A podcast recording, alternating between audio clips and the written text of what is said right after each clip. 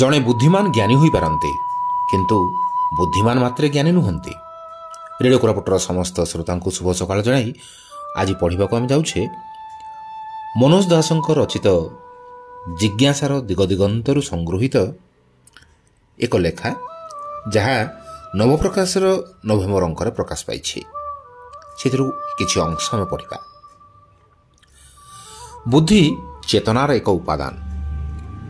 ବିଭାଗ ବା ଅଂଶ ଚେତନାର ଅନ୍ତର୍ଭୁକ୍ତ ପ୍ରାଣ ମନ ଆତ୍ମା ତଥା ସେସବୁର ଅଭିବ୍ୟକ୍ତି ସୂଚାଉଥିବା ବିବେକ ଜ୍ଞାନ ପ୍ରଜ୍ଞା ଅନୁଭୂତି ଅଭିଜ୍ଞତା ଅନ୍ତର୍ବୋଧ ଚିନ୍ତା ଭାବନା ଇତ୍ୟାଦି ବୁଦ୍ଧି ମନର ହିଁ ଏକ ଗୁଣ କ୍ରମବିକାଶରେ ପ୍ରାଣଶକ୍ତିର ବହୁବିଧ ବିକାଶ ଅନ୍ତେ ଉଦ୍ଭିଦ ଜଗତ ଅଦୃଶ୍ୟ ଓ ଦୃଶ୍ୟମାନ କୀଟପତଙ୍ଗ ପଶୁପକ୍ଷୀ ଇତ୍ୟାଦି ସୃଷ୍ଟି ହେବା ପରେ ଆଦିମ ମଣିଷର ଅଭ୍ୟୁଦ ହୁଅନ୍ତେ ତା ଭିତରେ ମନର ବିକାଶ ସମ୍ଭବ ହେଲା ଏବଂ ମନର ଏକ ବିଭବ ରୂପେ କ୍ରମେ ବୁଦ୍ଧି ଆମ ଜୀବନରେ ବିପୁଳ ଭୂମିକା ତୁଲାଇଲା।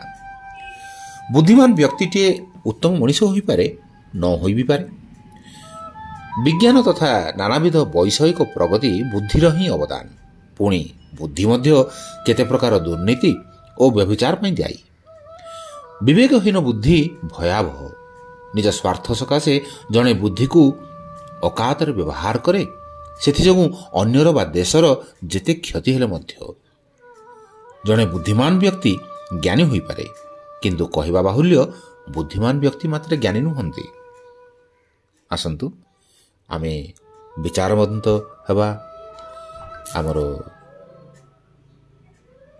ବୁଦ୍ଧିକୁ ଠିକ୍ ଭାବରେ ପ୍ରୟୋଗ କରିବା ଏବଂ ନିଜର ଯେଉଁ ବାସ୍ତବ ଲକ୍ଷ୍ୟ ରହିଛି ସେ ଲକ୍ଷ୍ୟ ଦିଗରେ ଆଗେଇ ଯିବା।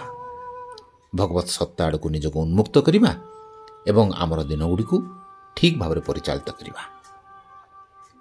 ରେଡ଼ିଓ କୋରାପୁଟ ଶୁଣୁଥିବା ଯୋଗୁଁ ଆପଣମାନେ ସମସ୍ତଙ୍କ ପାଖରେ କୃତଜ୍ଞତା ଜଣାଇ ରହୁଛୁ ତେବେ। ନମସ୍କାର।